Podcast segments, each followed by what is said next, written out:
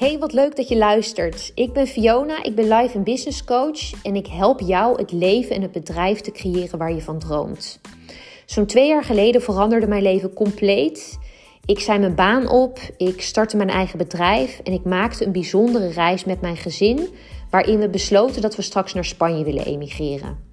In deze podcast deel ik mijn eigen reis en mijn persoonlijke lessen met je, zodat jij next level gaat als ondernemer, maar ook als mens.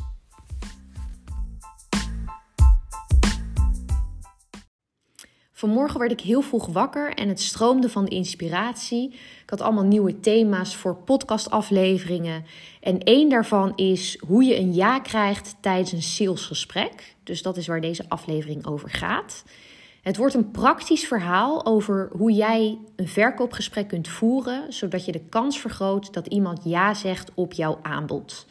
Een soort mini-masterclass eigenlijk. Dus ik zou zeggen, Pak je bloknoot erbij en je pen en schrijf alles op wat voor jou belangrijk is om te onthouden.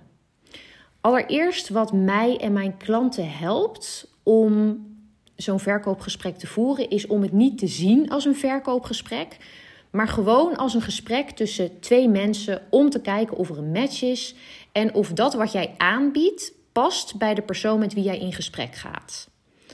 Als je een salesgesprek zo bekijkt, dan zorgt het namelijk A voor meer ontspanning, zodat je gewoon relaxter dat gesprek ingaat. En B, het voorkomt dat je de ander gaat proberen te overtuigen. Want wanneer je dit doet, dan heb je minder kans dat de ander ja zegt. En op het moment dat iemand wel ja zegt, dan is de kans groot dat het niet een hele gemotiveerde klant is, die ook niet zulke goede resultaten bereikt.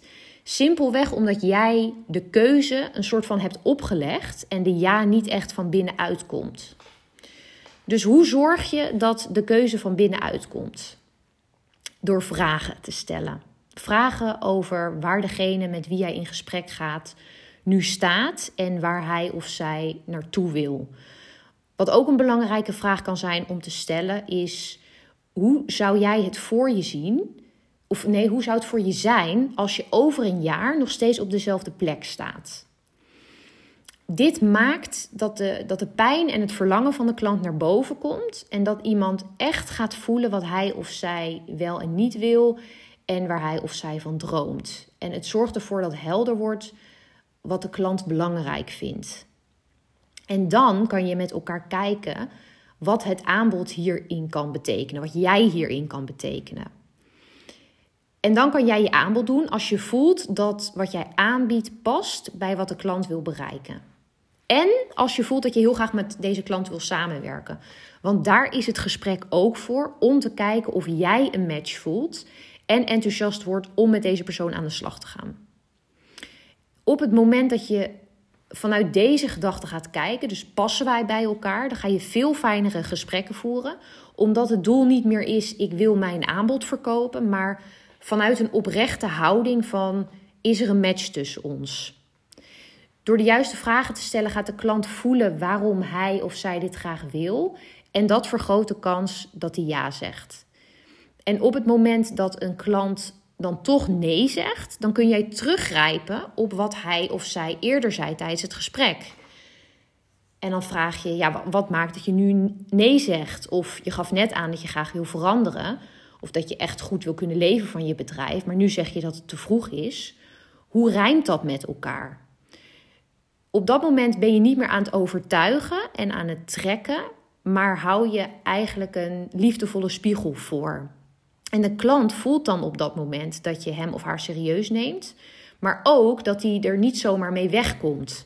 En zeker als iemand al langer vastzit, want de reden dat iemand een investering doet is of omdat er een groot verlangen is, of omdat er een pijn is. En als er dus een, een bepaalde pijn is, als iemand dan uh, vastzit, dan voelt hij op dat moment. Ja, ik, ik word echt geconfronteerd met mijn eigen bullshit. En dat is altijd nodig als je wil veranderen en als je wil, wil groeien. Dus dat vergroot weer het vertrouwen van de klant dat jij hem of haar ook echt daadwerkelijk kan helpen. Het is trouwens ook zo dat een salesgesprek soms al ver begint voordat het salesgesprek er daadwerkelijk is.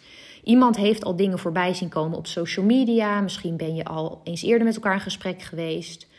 De boodschap die jij uitdraagt zorgt ervoor dat de klant weet wat jij doet, wie jij bent, wat jouw missie is, wat jouw visie is. En dat is heel belangrijk in het proces, omdat je daarmee eigenlijk al een voorselectie maakt. Daarom geloof ik ook dat dat je hoofdfocus mag zijn. Want hoe beter jij dit doet en hoe meer verschillende lagen je van jezelf laat zien, hoe beter het lukt om de juiste mensen aan te trekken. Daarnaast mag je jezelf afvragen voordat je met iemand in gesprek gaat of deze persoon een match zou kunnen zijn. Want op het moment dat je al zeker weet dat het niet zo is, hoef je ook niet met elkaar in gesprek te gaan. Dus hoe kun je dit um, voor jezelf kaderen? Je kan bijvoorbeeld met een intakeformulier werken waarin iemand alvast vragen beantwoordt over wat hij wil of kan investeren, waar hij of zij tegenaan loopt. En de reden waarom je dit wil doen is omdat je wil voorkomen dat je met de verkeerde mensen in gesprek gaat, wat gewoon zonde is van jouw tijd. En om te voorkomen dat je te veel nee's krijgt. Kijk, nee's krijgen hoort natuurlijk bij het ondernemen. En het is goed om daarmee om te leren gaan. Ik geloof ook dat je er niet te veel betekenis aan moet geven. Dat je het moet kunnen relativeren. Want vaak is een nee gewoon een nee. Of betekent het niet op dit moment. Dus daar wil je niet je onzeker door laten maken en je door laten beïnvloeden. Maar als je te veel nee's krijgt, omdat je niet met de juiste mensen spreekt, dan ga je jezelf onbewust aanpassen aan deze mensen. Dus dan denk je al heel snel: oh, ik moet mijn aanbod aanpassen, want mensen willen dit niet. Of je denkt: ik moet mijn boodschap wat minder sterk uitdragen. Terwijl je gewoon met de verkeerde mensen in gesprek ging. Dus vandaar, wees al kritisch in je voorselectie. En focus je vooral op de waarde die je deelt, zodat het de klant duidelijk is voor wie jij er bent. Benader ook gewoon mensen waarvan je denkt: ja, met jou zou ik echt graag willen samenwerken als je dat voelt. Je hoeft niet te wachten totdat de klanten naar jou toe komen. Je mag daarin regie pakken. Tijdens zo'n gesprek heb je natuurlijk ook te maken met bezwaren. En ik geloof dat je daar heel kritisch op mag zijn, omdat zo'n bezwaar ook vaak een onbewuste zelfsabotage kan zijn. Dat iemand het bijvoorbeeld wel graag wil, dat hij graag met jou aan de slag zou willen, maar bijvoorbeeld nog niet durft.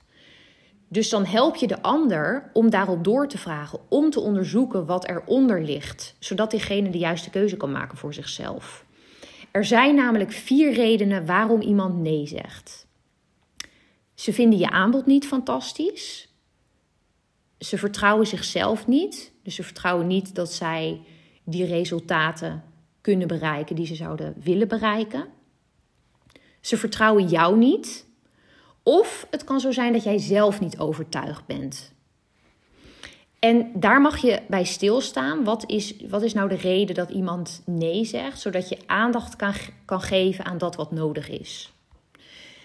Dus ik wil nog een paar bezwaren met je delen en hoe je daarmee om kunt gaan. Op het moment dat je een bezwaar krijgt, kun je opnieuw vragen stellen om te onderzoeken waarom iemand nou nee zegt. Zodat helder wordt of dit de juiste reden is om nee te zeggen en dus niet met jou in zee te gaan. Wat een klant bijvoorbeeld kan zeggen is nee, ehm, nu niet, dit is niet het juiste moment. En dan mag je dus terugleggen bij de klant: oké, wanneer is het wel het juiste moment voor jou? Wanneer zou je er wel klaar voor zijn? Komt daaruit uh, dat eerst nog andere stappen gezet moeten worden? dat, dat kan, dat je inderdaad nog niet klaar bent voor het traject. Of is het een als-dan leugen, waarbij iemand zichzelf voorhoudt dat er bijvoorbeeld eerst meer zelfvertrouwen moet zijn voordat hij bij jou in het traject start. Terwijl op het moment dat hij dat doet, dat dat juist voor meer zelfvertrouwen gaat zorgen. Dus dat kan je duidelijk maken door die vragen te stellen en te onderzoeken van wat ligt er nou onder waarom iemand denkt dit is niet het juiste moment. Ik geloof zelf heel erg dat het juiste moment is als je kiest en dat het moment daarin nooit bepalend is, maar dat jij zelf bepaalt. Nog iets wat iemand kan noemen als um, bezwaar is: ik ga het eerst zelf proberen.